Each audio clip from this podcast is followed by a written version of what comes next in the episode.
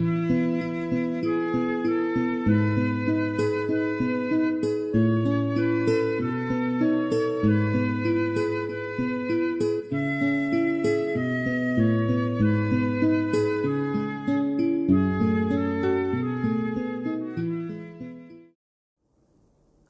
wens je vrede en alle goeds. Welkom bij Fioretti, de tweewekelijkse podcast van Stadsklooster San Damiano. Vandaag verzorgd door broeder Hans Peter.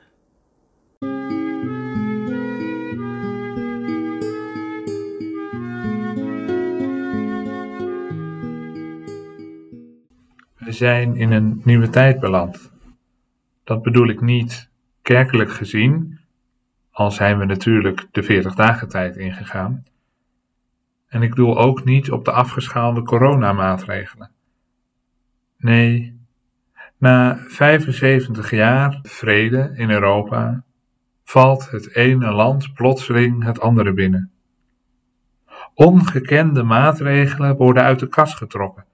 Boycotts, afsluitingen, uitsluitingen.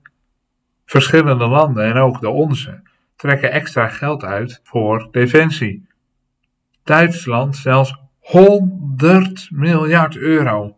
Wat een bedrag. Ja, de afgelopen dagen denk ik met enige regelmaat: hoe kijkt God nu naar wat er gebeurt? Dat is natuurlijk moeilijk te zeggen, maar wie de Bijbel erbij pakt, ziet door alle eeuwen heen een constante. God kijkt altijd met andere ogen. Een voorbeeld.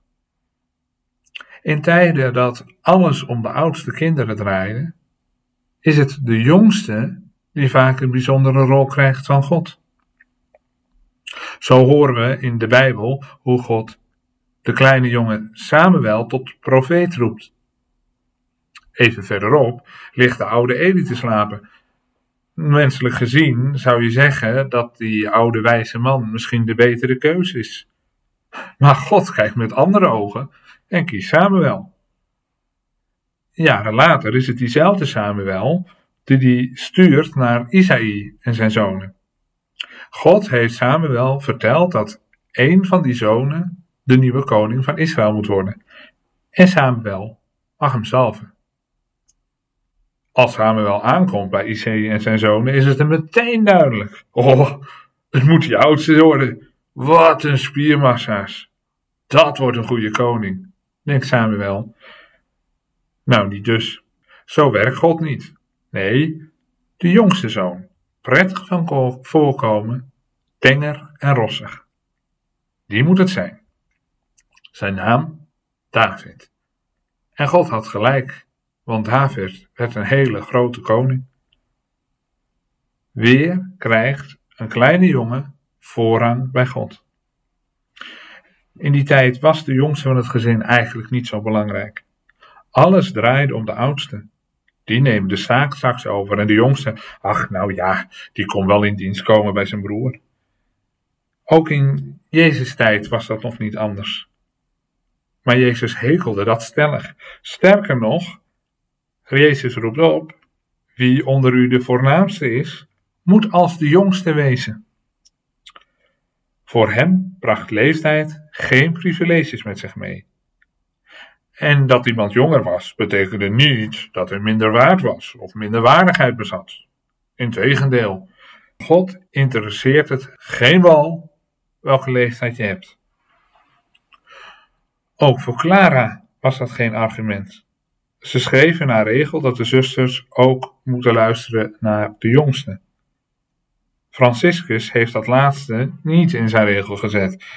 Maar mijn ervaring als jongste is dat de broeders hierin gewoon de regel van Clara volgen. Gelukkig maar.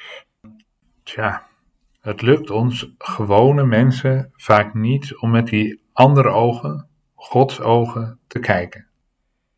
Keren we maar weer even terug naar de Bijbel. Het Joodse volk voert oorlog tegen de Filistijnen.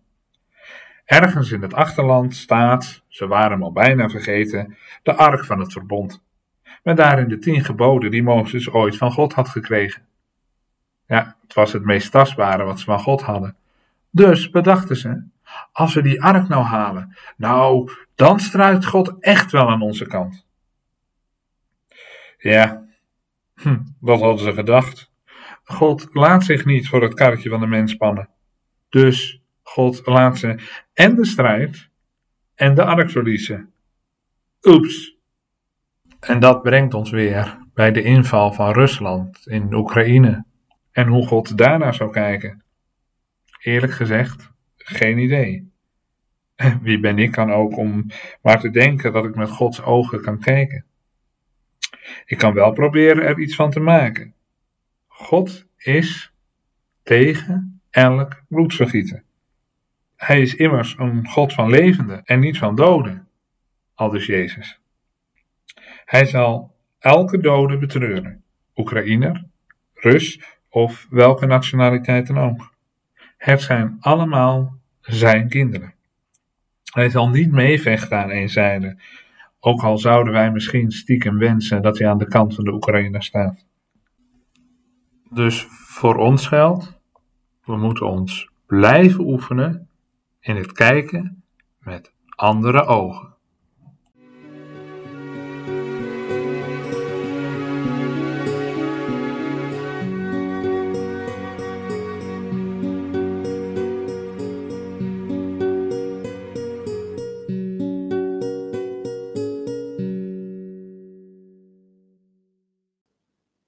Bedankt voor het luisteren. Tot over twee weken en tot die tijd vrede en alle goeds.